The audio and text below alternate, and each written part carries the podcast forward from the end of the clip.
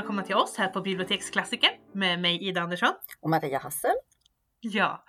Och vad har vi läst för bok idag Maria? Vi har läst Allt går sönder av Chinua Achebe. Ja. Om man nu uttalar det så, det vet jag inte men eh, ja. Jo men det, det är så jag skulle uttala det också. Ja. Man kan ju säga att han, eh, han är inte döpt till Chinua, hans föräldrar döpte honom till Albert. Albert. Efter eh, Ja, efter prins Albert, eh, okay. drottning Victorias man. Um, han, han, eh, bytte namn till eh, Chinoa. Uh, det, för han tyckte att Albert, när han blev vuxen, för han tyckte att Albert var lite väl kolonialt präglat. Ja. så, um, vilket, ja. kan man nästan förstå där. Att, ja. ja. Uh, jag tyckte det, det var lite så. Men um, ja, det här, uh, uh, Achebe är ju, han är en nigeriansk författare. Mm. Eh, född 1930, jämnt och bra. Eh, jag hade inte läst den här boken förut. Hade du gjort det? Jag har läst den en gång innan, ja. Mm. Och det var faktiskt då när vi började prata om att sätta ihop den här listan. Mm. Och det, jag kommer inte ihåg när det var, 2013 kanske eller något sånt. Ja. Jag höll på med det. Och eh, då kom ju den här upp att vi skulle kanske ha med den. Och jag hade inte läst den och då blev jag så nyfiken. Så läste jag den.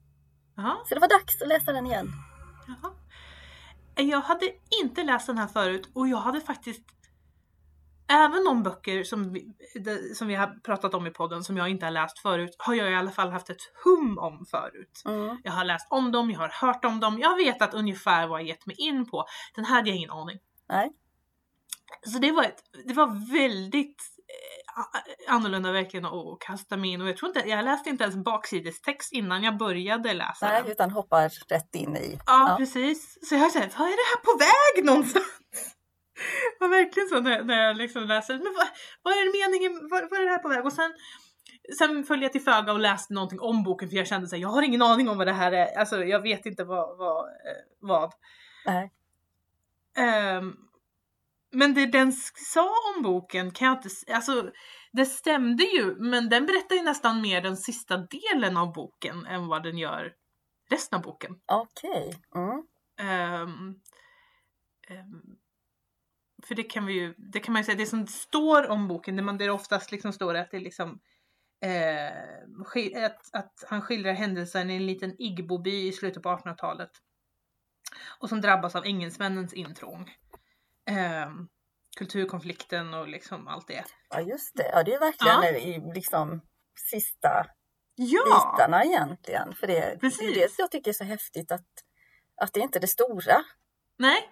Eh, Men det finns med. Det kommer ja, liksom lite smygande sådär. Precis. Men jag väntade det mycket tidigare ja, det på grund av jag. det. Ja, det blir ju lite... Och sen när det väl dök upp och då säger men vänta lite nu, den här den är ju nästan slut. men äh, ja. Um, ja. Ska vi, um, ska vi berätta vad den handlar om? Ska vi försöka Gå igenom lite, lite, ja, mm. lite i den stora drag. För det... Ja precis, den är ju ganska episodisk. Eh, mm. Men, men lite grann. Vill du berätta? Eller? Jag kan uh, göra ett försök och så får vi se.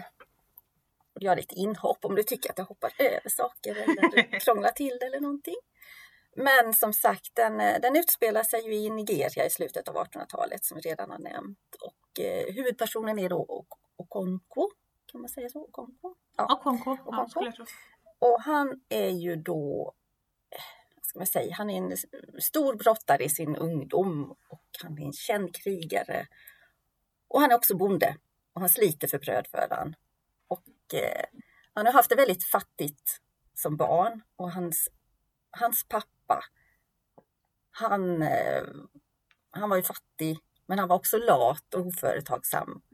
Han lånade pengar som han spelade bort. Så att han hade ju inte sådär, hade inte det så tryggt, utan han fick liksom själv ta tag i sitt eget liv väldigt tidigt. Och det gör han. Så han skaffar sig lite land och liksom jobbar sig uppåt och gör sig liksom ett namn på sina egna bedrifter kan man väl säga. Och eh, jag har en, faktiskt en liten, ja det är precis bokens första mening. Den, den är ju väldigt talande där. Och Kwonkos namn var känt i alla nio byarna och vida däromkring. Så det liksom säger mycket om hur han är som person. Och han eh, har då, han har tre hustrur. vilket är vanligt då. Och eh, en, en av hustrurna hon har fött tio barn, men det är bara ett som överlever. Och det är en dotter som är då Okonkos favoritdotter kan man väl säga.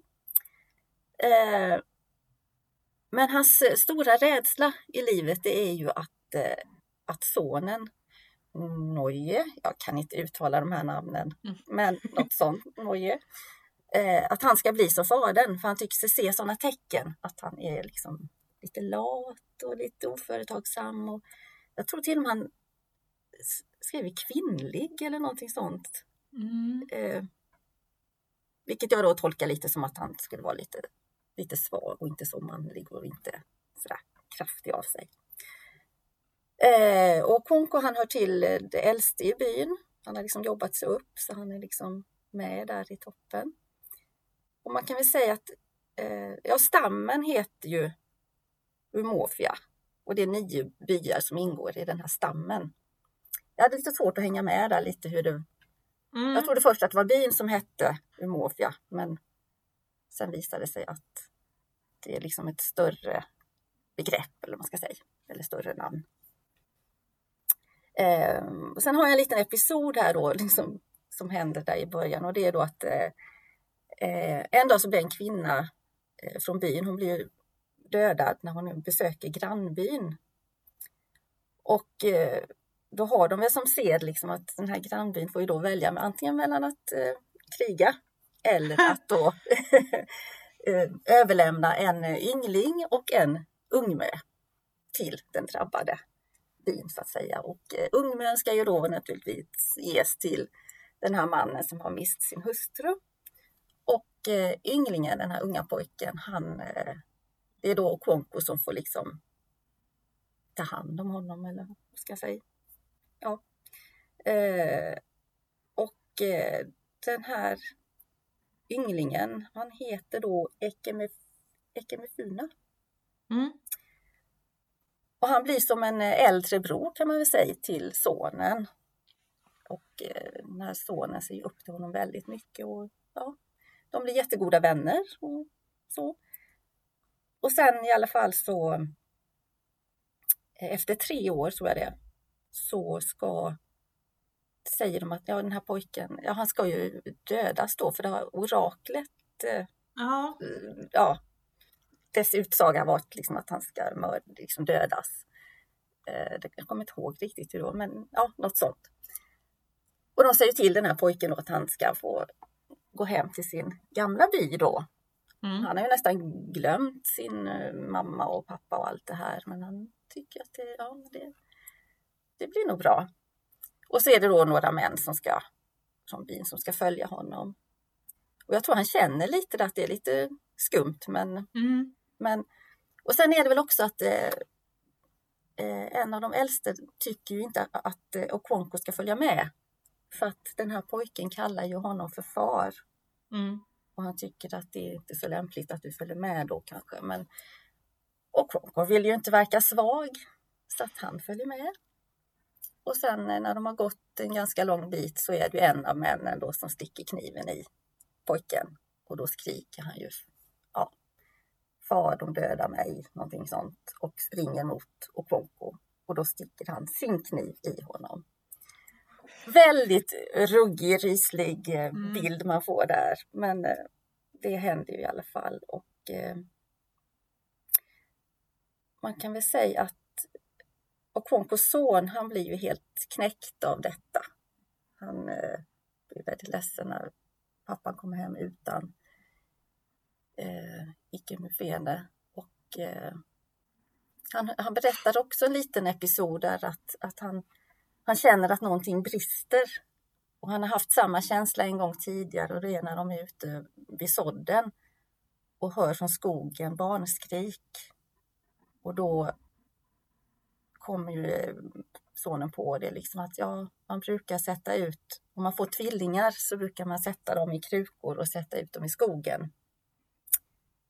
Jag kommer inte ihåg riktigt anledningen till varför man gjorde Nej, det, men, men det var ju inte bra att få tvillingar helt enkelt. Nej, det var nog eh, olycksbådande ja, med det. Någonting. Och och, eh, och att alla då liksom bara blir tysta och, och går därifrån och inte låtsas om det. Och då har han den känslan att någonting går sönder där också och att han känner en maktlöshet av detta. Så att han har liksom samma känsla. Så att, eh, han är väl, ja, han kanske är en känslig person men jag, jag, tror inte han är det mer än någon annan kanske egentligen. Men i, i Okonkos ögon så blir han ju liksom svag då. Men Okonko han sörjer ju också. Märker man för han äter inte på ett par dagar och han, han eh, kallar sig själv att ja, det har blivit en kärring. Men det är väl att han egentligen sörjer. Så tolkar jag det liksom.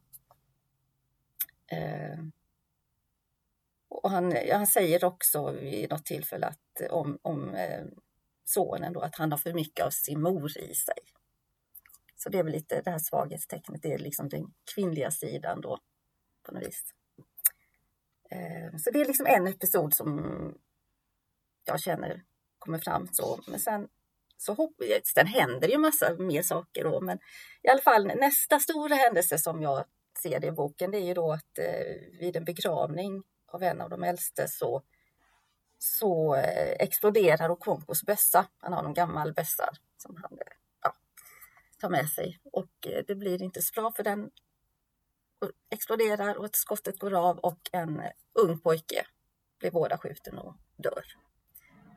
Och då har de väl, eh, ja det är väl som deras tradition då liksom att Okonko får liksom gå i exil kan man väl säga i sju år. Mm.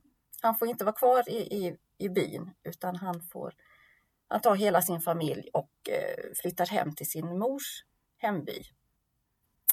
Eh, och han får liksom börja om där kan man väl säga. Han, mm. han blir ändå bra mottagen. Han får ju en bit land och eh, som man kan odla och bygga sig ett hus och så här. Så att, mm. Men det är ju ändå att han, han har haft det väldigt bra i ja. Fädernesbyn. Det, ja, och det är väl det här liksom, att han blir så, så väl mottagen är ju att han har begått det kvinnliga brottet. För att ja. det var ju, alltså han har ju ingenting med det alltså det var en ren olycka. Precis. Han har, ja. han har inte gjort det med vilje. Exakt. För med, med vilje hade det varit det manliga brottet och då tror jag de har ju väldigt, väldigt strikta regler mot att skada sina stamfränder. Ja. Liksom. Så, det... eh, så då, hade, då är det inte säkert att då hade han väl blivit av. Antingen har han blivit exil för alltid eller så har han blivit avrättad. Jag är inte säker på. Nej, riktigt vad det som hade hänt. Men, men det, det är liksom alla... en helt annan eh, ja, historia det är som att där. Alla förstår det här är inte ditt fel, men vi måste blidka. Liksom, du kan inte vara kvar här. Um, men det är också när han kommer till moderns by att det är så här, men du har inte gjort, alltså, ja. Nej, precis. Det, det blir liksom, eh, ja. Men sen, det är ju också någon släkting han, han träffar på där, för att eh, Okonko han är ju liksom lite, ja, missnöjd och lite sådär låg kan man väl säga. Men han eh, menar ju på liksom att, att eh, ja han säger någonting där att eh, vet du varför de, det är så många barn som döps till Neka som betyder mm. då mor är bäst om man översätter det. Och, eh, och det vet han ju inte och liksom så här och, och då har jag också ett citat här då som jag tyckte var så talande och ganska fint som jag tänker säga nu. Eh, mm. En man hör till fädernas land när allt går väl och livet är ljuvt. Men kommer sorg och svåra öden så flyr han till sin mors hemby. Där finns hon för att skydda honom, där ligger hon begraven och det är därför hon är bäst. Tycker jag var ganska vackert. Mm. Faktiskt. Eh, så att, eh, ja, han lever ju där då i sju år och under den här perioden, det är då som det börjar komma missionärer till eh, Omurfia och eh, till hans eh, gamla by då. Och eh, där det byggs en kyrka och det är ju en del som eh, konverterar och eh, även hans son då, Noje, han har ju känt sig dragen nästan på en gång till den nya läraren och liksom mm. ja, konverterar han också. Och ja, det blir liksom lite nya nya lagar, det byggs ett fängelse och det, det händer mycket mm. hur man löser saker och ting. Och eh, den första, vad ska man säga, den första prästen, vad heter han nu, Mr Brown hette han nog. Jag tror det. Första. Ja. Eh, han är ju ganska nyfiken och kompromissar gärna och så här och intresserad av folket. Och eh, det går ju ganska bra. Men så blir han sjuk så det kommer en, en annan pastor och han är ju då, ser ju alltid mer i verkligen svart eller vitt. Och eh, då har väl egentligen, jo då, och Kwonko har kommit tillbaka då i alla fall till byn så att han är tillbaka i landet. Och eh, det var det jag skulle nämna också. Eh, missionärerna, vad de har fått bygga sin kyrka och allt det här. De har fått en liksom liten del av den onda skogen. Mm. Och det finns tydligen alla stammarna har en ond skog någonstans eh, där det händer hemskheter och ja, det är inget bra i alla fall. Så de tänker ju att eh, där kan de få bygga sin kyrka och allting och, och de, antingen kommer de ju dö eller i alla fall försvinna då om en tid, för det kommer ju inte gå bra. Men eh, det funkar ju. Så de blir ju inte av med dem utan det växer allt det här. Och eh, ja, det var lite spännande så, mm. faktiskt. Eh, men som sagt, eh, det är, sen är det någon, nu kommer inte jag ihåg, för det är någonting som händer när den här andra pastorn, James Smith, när han kommer, det är något som, för i alla fall så, så förstörs ju kyrkan.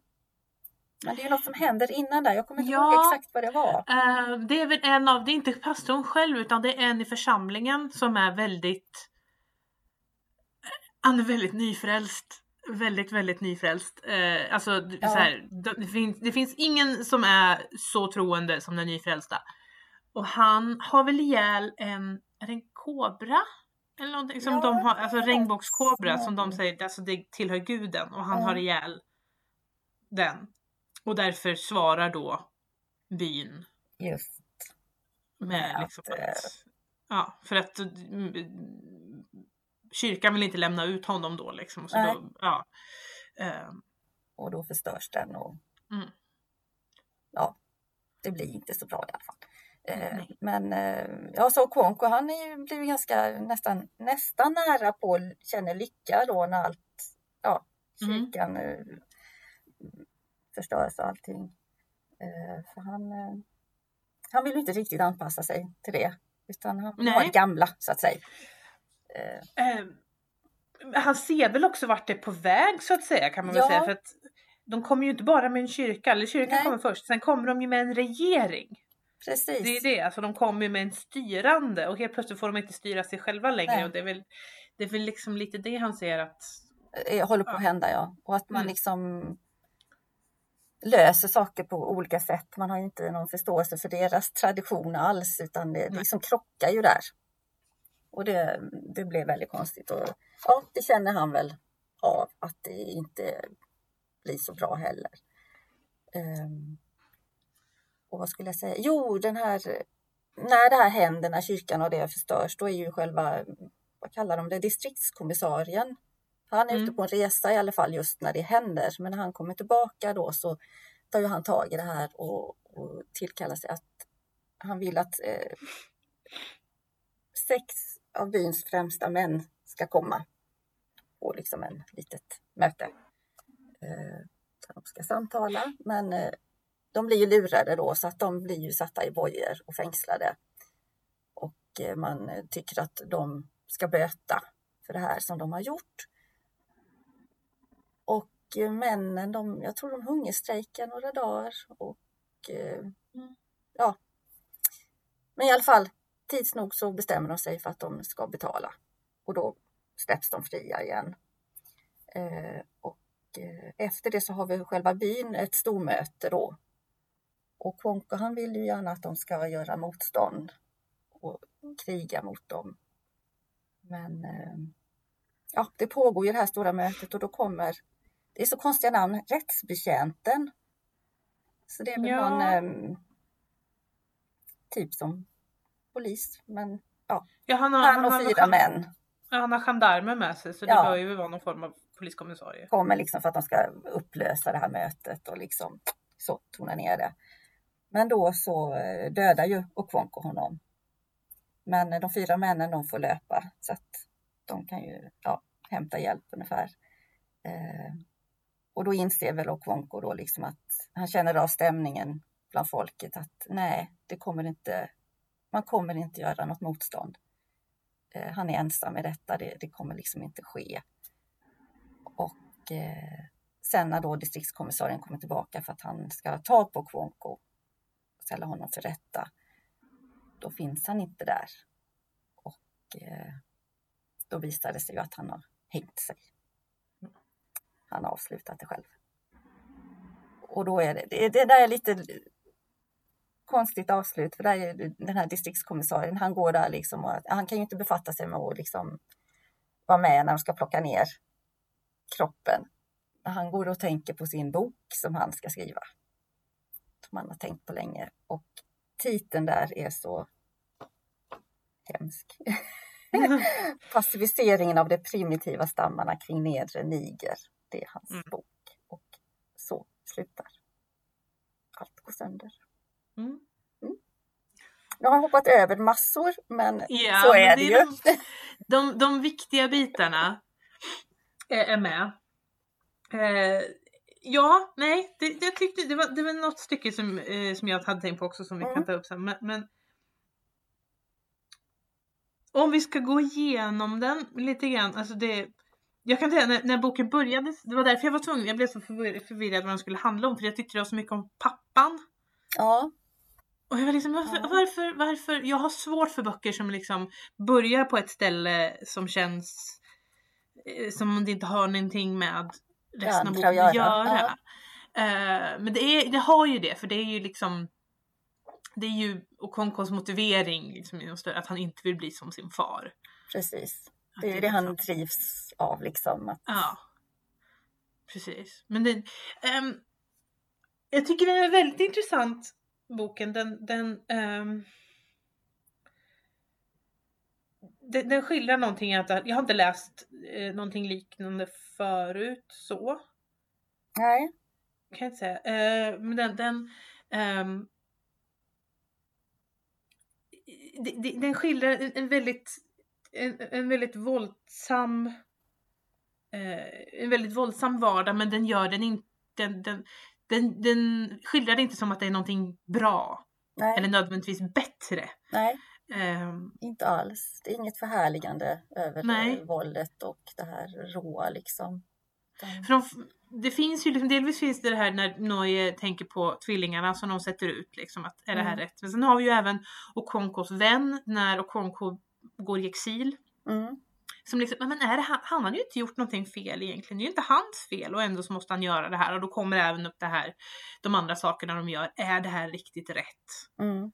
Men det är det vi gör. Det, alltså så, här, så det, det, finns ju liksom att alla följer inte det här blint. Nej. Eh, utan det, ja, det, det finns, det, det, är liksom inte något tanklöst.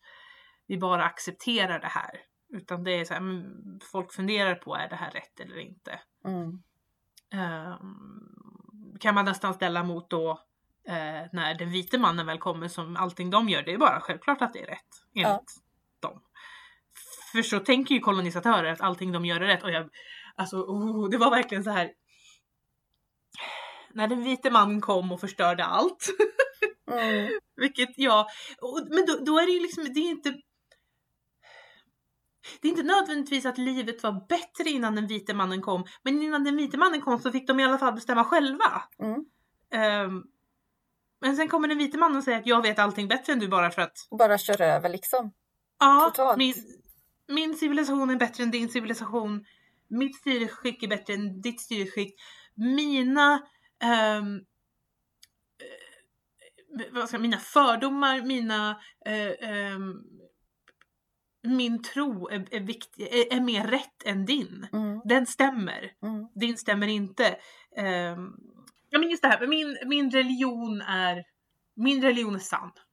Min gud är den sanna gud. De kan till och med få det på ett, det, det, det är den första eh, missionären försöker ju få in lite det här att ja men ni tror ju på en gud egentligen.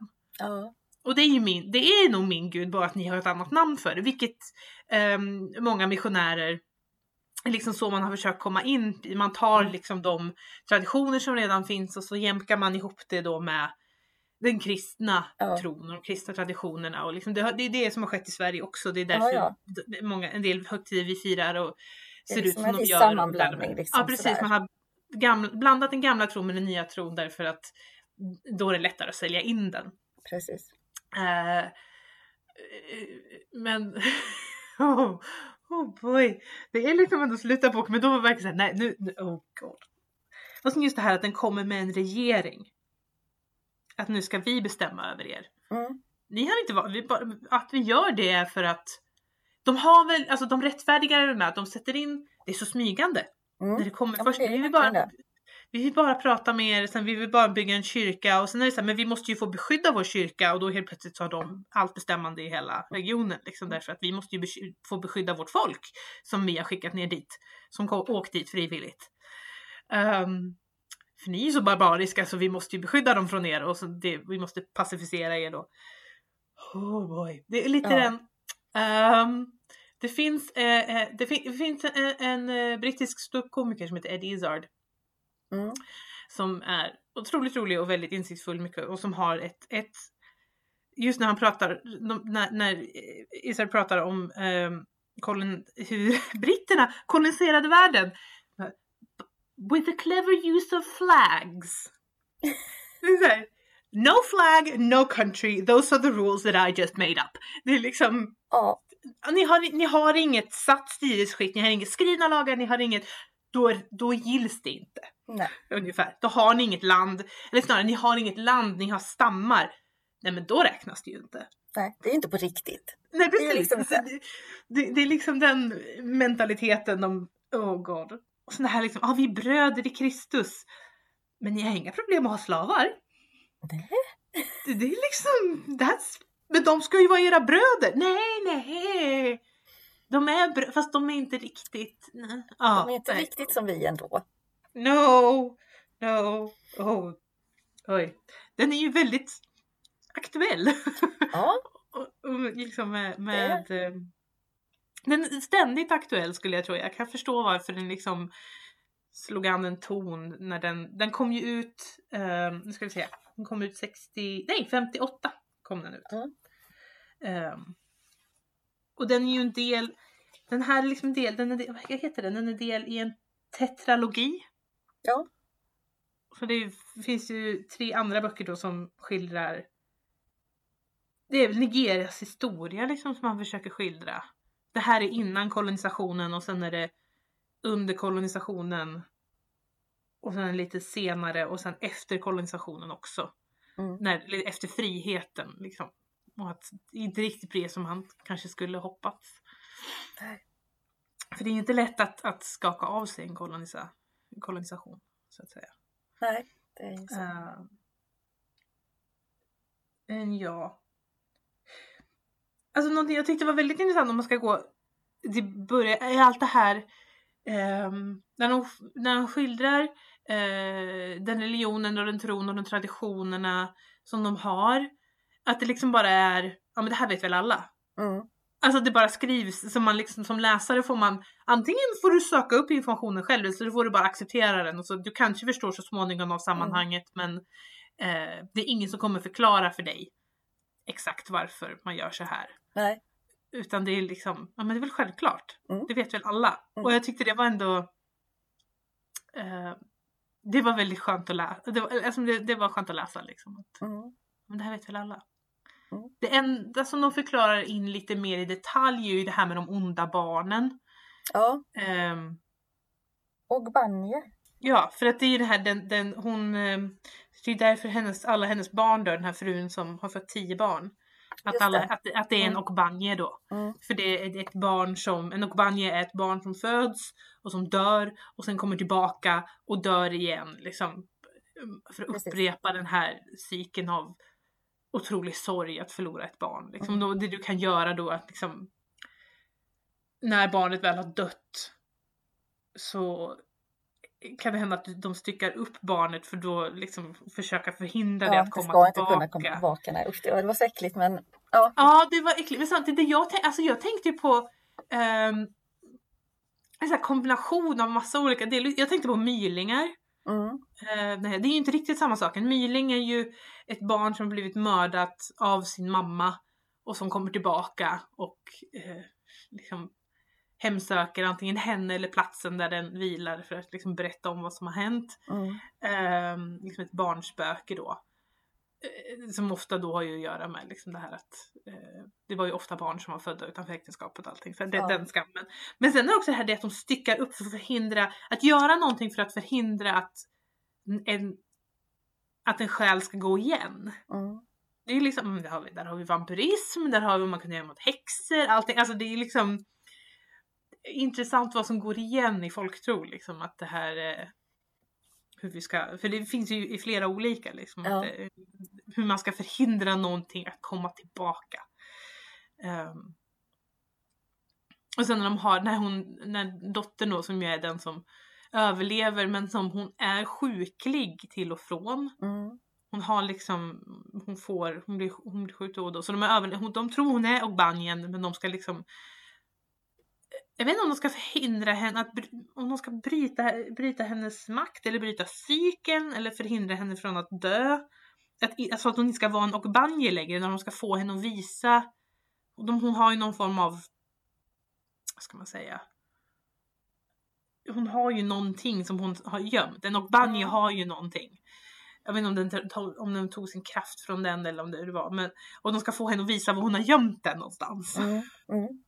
Och hela den situationen där hon liksom, det är det här klassiska, du kan få ett barn att erkänna i stort sett vad som helst. Um, vilket ju har varit uh, problematiskt i, i um, även i nutid i diverse uh, rättegångar. Oh, du kan ja, få barn. Det ja, du kan få, då och då. Ja precis, du kan få barn att säga ganska mycket vad som helst om du leder dem och de vill, för de vill uh, alltid att de vill vara sina föräldrar till lags. Um, och för där är det först, först säger hon att hon inte är något banje och sen så liksom, ja men jag har gömt den där. Och så går de dit och så går de dit. Alltså hon liksom henne. Liksom, ja, precis. Hon vallar dem runt eh, tills de hittar någonting, någon sten eller någonting som var insvept i någonting. Mm. Uh, men den är ändå, som boken är skriven så är det så uppenbart, så är det så, så är det så men det är självklart att hon är Nokbanje. Mm. Det, det är som det som är premissen i boken, hon är Nokbanje. Ja. och vilket jag också, ja okej, okay, okej. Okay. Man är verkligen helt i uh, synsättet från uh, Ja, hur man tänker där, liksom, och, där och då. Så. Ja. Uh, och jag kan, förstå, för jag kan förstå också att de verkligen, för när barnen dör och hon, mamma, vad heter mamman? Um, hon börjar döpa barnen till, liksom, ja men du kan lika gärna ta den här också. Liksom sånt där, liksom döden kom och, och döden vill ha den här med. Och alltså hon, hur hon ja. ger upp det här att hon föder barn på barn och ja, de lever inte längre. Ja. Mm. ja, och hon liksom bara och sen när de försöker, och sen det här barnet som till slut överlever även om hon är sjuklig, men när hon är sjuk. De har, alltså det är där det finns en, en sorts brysk ömhet.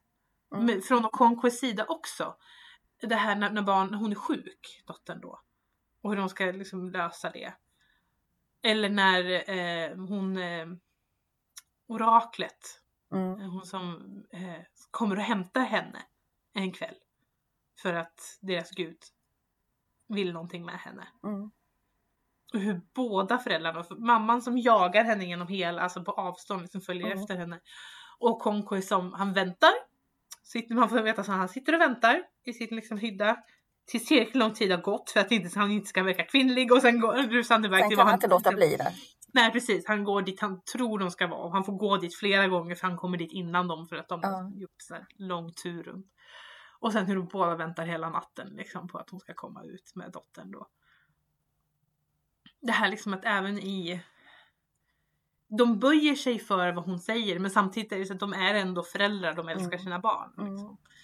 Um, det tyckte jag var ganska...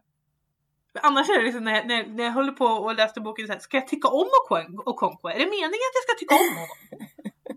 är det det? För att i så fall, nej det gör jag inte. Nej, han, han, känns som liksom en liten uh, sur gubbe. Som, ja. um, lite motvalls och inte Nej, han känns aldrig glad. Nej, precis. Inte han är någon gång. väldigt, väldigt tystlåten och, och sådär och, och väldigt... Han är ju väldigt fast i de här eh, maskulinitets, maskulinitetsnormerna som ju de ju har. Allting som är dåligt är kvinnligt, allting som är bra är manligt. Det är, det är uttryckligen så de Mm. säger liksom. Ehm, och hur han då inte vill verka kvinnlig överhuvudtaget, vilket... Okej. Eh, med moderna ögon så blir man såhär, det här är bara... Du, du skadar dig själv något otroligt med det här, men okej. Men det är så... ehm, så som... Så som det är, så som det var. Ja. Ehm, men han är så väldigt fast i det. Men det är ju att han bär med sig här att han inte ska vara som fadern var. Han har så här, Ja, men det är det han kämpar emot hela tiden. Ja. Att, liksom, han är väl livrädd för att hamna där liksom, på något vis och kanske vara, ja men visa sig svag. Som han tyckte pappan var. Och då blir det liksom hundra gånger åt andra hållet. Alltså det, det är liksom ingen balans någonstans utan han liksom bara kör på. Och eh, blir väl aldrig nöjd heller. På något vis. Nej. Även om han lyckas med det ena och det andra så liksom blir han ju aldrig, han kan aldrig känna riktigt att det är bra. nej, nej, det, nej, det är liksom. Alltså det, det- och samtidigt är det ju också det här. Det är ganska ehm, intressant för han, han har tre fruar och egentligen är det bara två som är namngivna. Ja, de andra är ju Eh. lite Ja, det sådär, är ju lite framför- perifert Mm. liksom. Ja. Eh, hon som har. Men, men Neue, hans mamma är ju bara Neues mor. Mm. Hon har ju aldrig ett namn, hon är ju bara Neues mor. Ehm, och sen får man, de enda barn som egentligen man får veta någonting om är ju dot, sonen och dottern. Mm. Eller favoritdottern och då sonen och Mm. sen fostersonen då som han tar. Ja. Eh, vilket på något vis är också väldigt... Han säger ju sig att han har skakat, skakat av sig det efter hela det som hände där. Men det lever ju i honom för att det är ju... Det dyker ju upp igen och igen. Mm. Det här med, med, med vad som hände. Bland annat i det här tillfället när, vid det bröllopet där hans bössa exploderar han får- innan han får gå i, gå i exil. Precis, var det natten innan så har de ju, då är det ju en äldste som har dött. Mm. Och det är ju den äldste som sa till honom att du ska inte gå med Ja, oss när vi ska ha ihjäl. precis. Det är det. Att det, är liksom, det är hans första tanke när han får höra att han har dött. Så att det är så mycket som är knutet till det.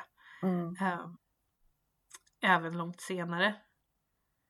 Eh, jag vet inte, det, det, ja. Det, det, det är också det här, det är så mycket som på ett sätt ibland känner man så här, men det leder ingen vart. Det är saker som händer och sen så, Mm. Jaha? Det, det var liksom bara en händelse. Som till exempel det här just när, eh, när oraklet hämtar dottern Mm. det blir ingenting mer med det. Nej. Sen förutom att man liksom, ja men de är lite trötta dagen efter och, och man får höra och det, det var viktigt för dem. Men sen blir sen överskuggas det ganska snart av, ja men de, det är ju dagen före de ska iväg på bröllopet. Mm. Eller natten före de ska på bröllopet och sen är det bröllopet och sen är det bussen som exploderar och så får, får de gå i exil. Alltså det är så här, okej.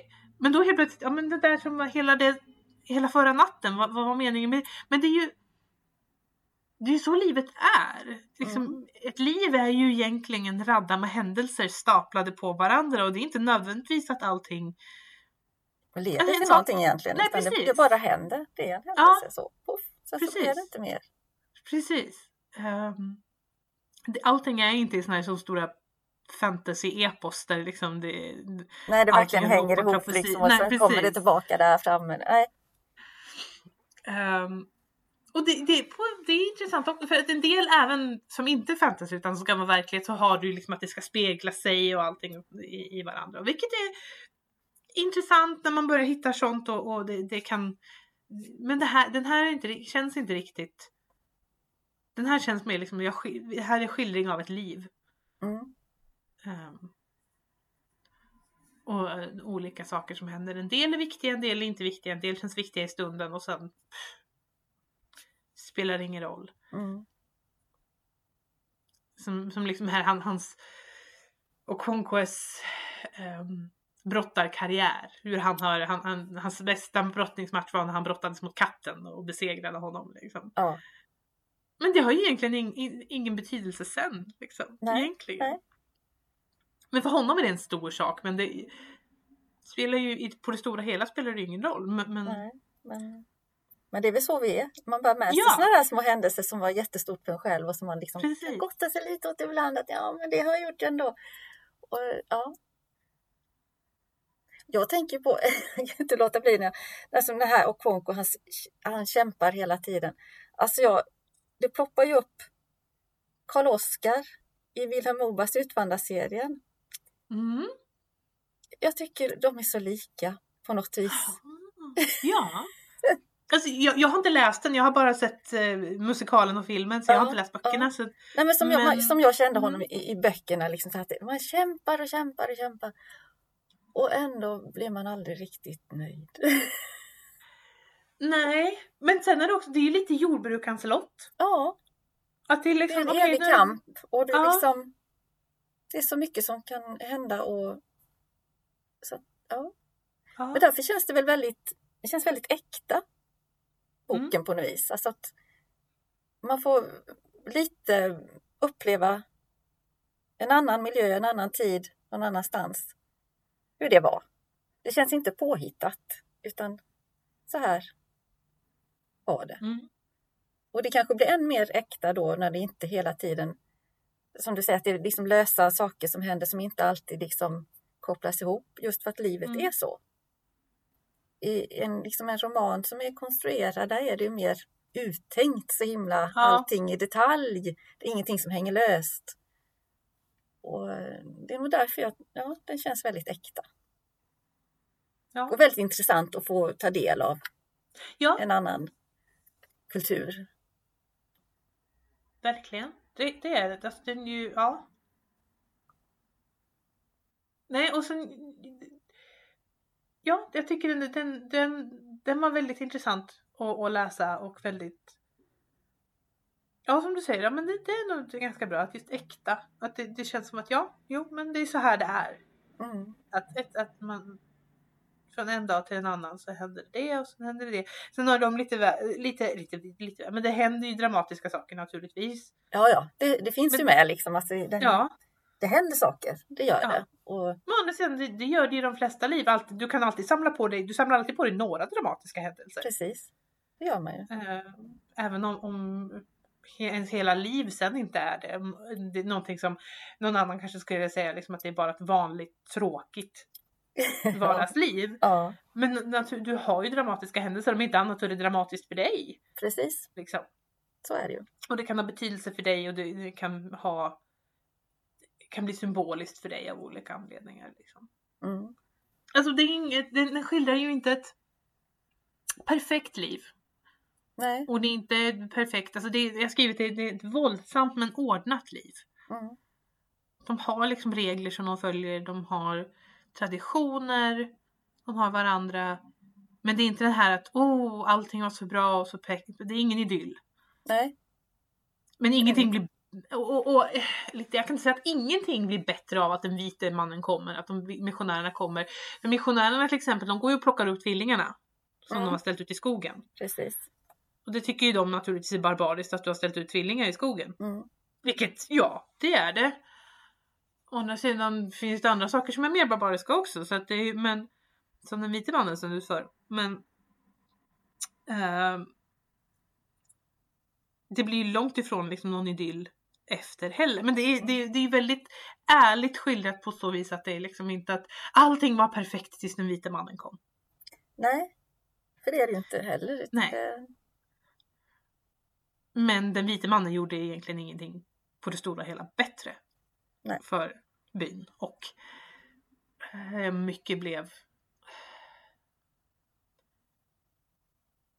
Alltså sämre på ett sätt och inte samtidigt, alltså det är ju inte som att de direkt blev förslavade men de blev ju fråntagna sin självbestämmande rätt. Mm, det blev de. Det är nästan lite otäckt när de börjar, de börjar prata om den vite mannen och då är det så här, en albino? Nej, nej, nej. Han, det, var, det var inte en albino, han var vit. Han var helt vit. Mm. Och kom med sin järnhäst, sin cykel. Ja. Det smygande att de börjar dyka upp. Och sen har de väl kommit till... Det kommer lite i taget och sen kommer allting på en gång. ja. Nej, Ja. nej. Mm. Man blir liksom mest arg och frustrerad. Ehm, och det är väl meningen. Ja, det är väl det. Det ska röra Ehm. upp känslor och, och tankar och Och det är ju det är ju bra. Den är ju bra skriven att du liksom och på ett sätt kan man förstå, för det är också som här, det här är ju sent 1800-tal vilket ju innebär att det här är den viktorianska eran. mm, Och när man då vet liksom hur britterna tänkte typ då så kan man liksom se hur deras tankar går. Man Mm. vet hur jäkla fel de har. Men man kan se liksom Oh, ja, Ja. du tänker så. Och de tycker att de är upplysta. De tycker att för många av de här missionärerna verkar ju vara att de är även antropologer. Så de liksom, men hur lever det här? Och det, ja, ja, och även om man har Även om de har ett intresse av att liksom få reda på traditioner och, och liksom eh, hur, hur livet ser ut för dem så är det ändå nästan som att de De tittar ju på det utifrån. mm, Alltså de tittar ju på det som om man går på zoo och tittar på djur. mm. Liksom. Vad gör de nu? Vilket ju också är så här. åh, ugh.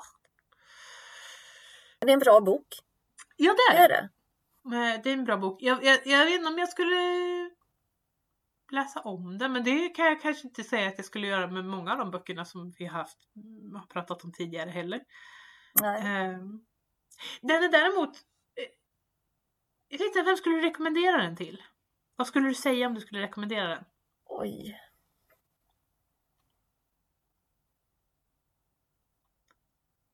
Den var svår du. Mm. För den är lite, alltså jag har svårt hur jag skulle presentera den egentligen. För det är just det här, det är, den skildrar ju ett liv. Vilket Mm. innebär att den är ganska långsam. Ja. Ehm, och, och det är liksom ja, saker som händer. Men det är för att när, som sagt, jag, när jag läste om boken så stod det ja, men det skulle handla liksom om när de drabbas av engelsmännens intråg. Och då trodde jag det skulle ske mycket tidigare och jag trodde det skulle vara den liksom kraschen och, och de konflikterna som. Mm. Jag trodde det skulle vara liksom att det skulle komma tidigare i boken och att det, det, var, att det var det den skulle skildra. Precis. Och det är det ju inte. Nej. För som sagt, det är ju bara en liten del Ja, på slutet.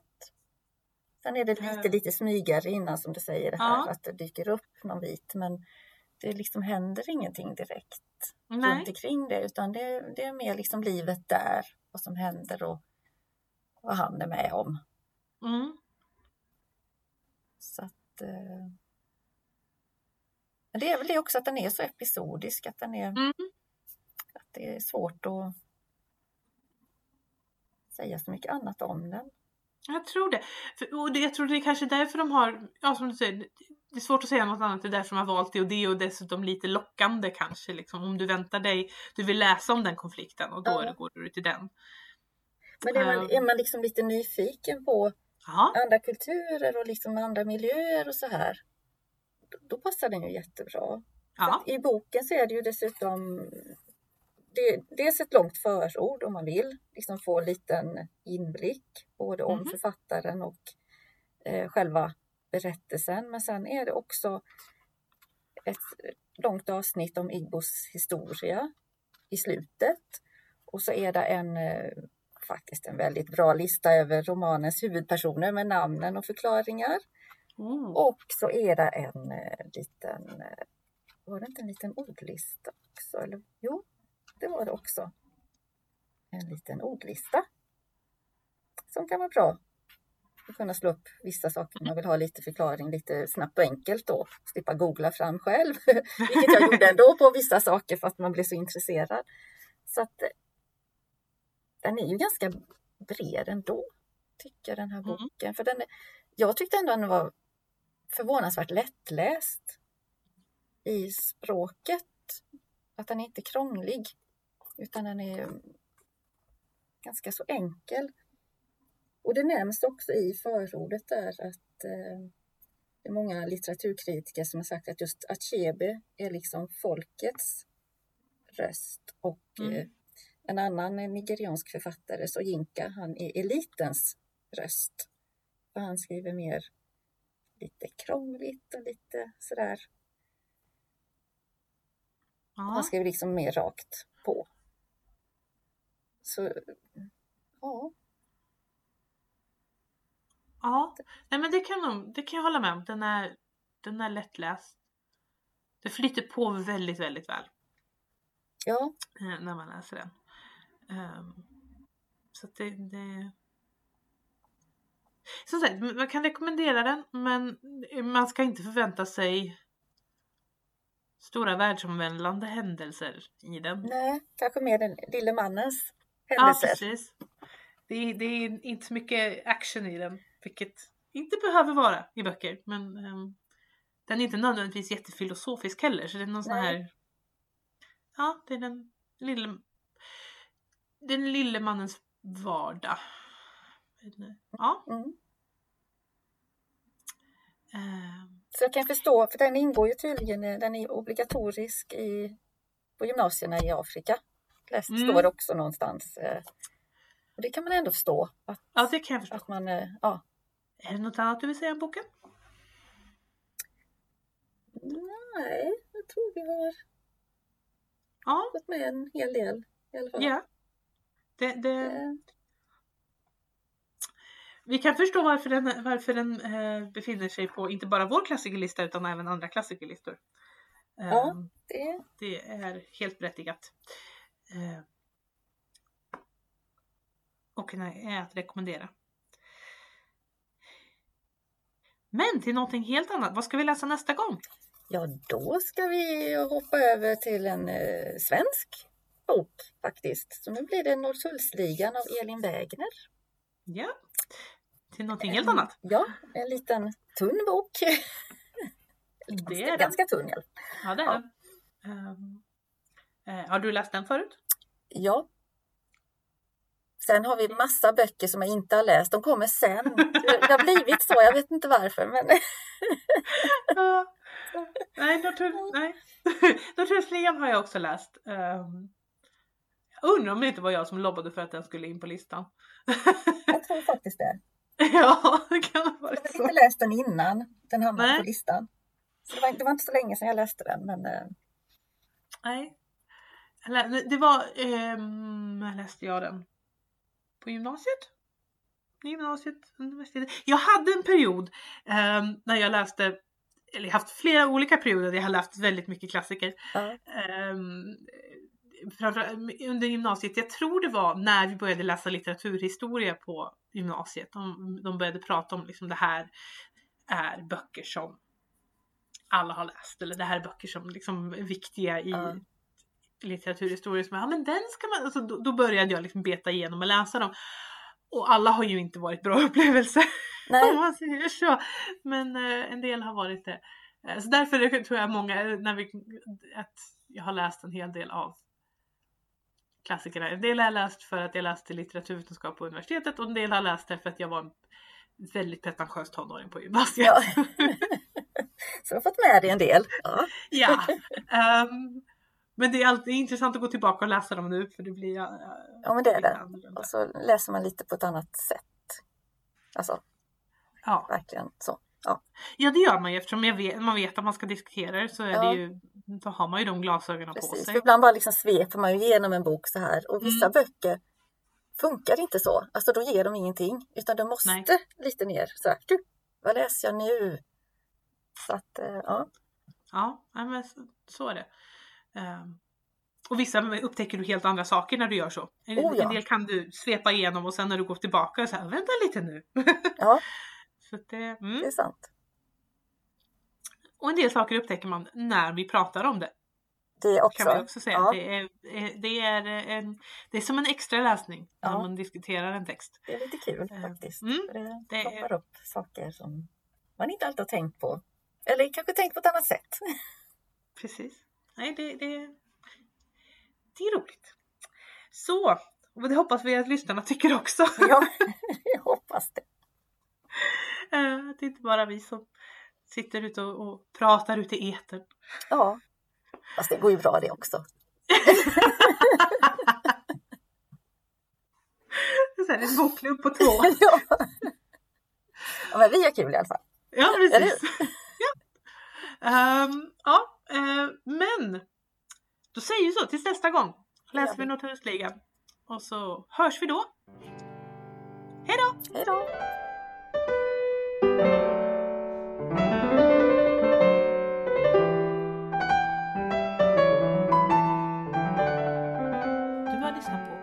Biblioteksklassikern med mig Ida Andersson och med Maria Hassel, en podcast från Gislaveds bibliotek.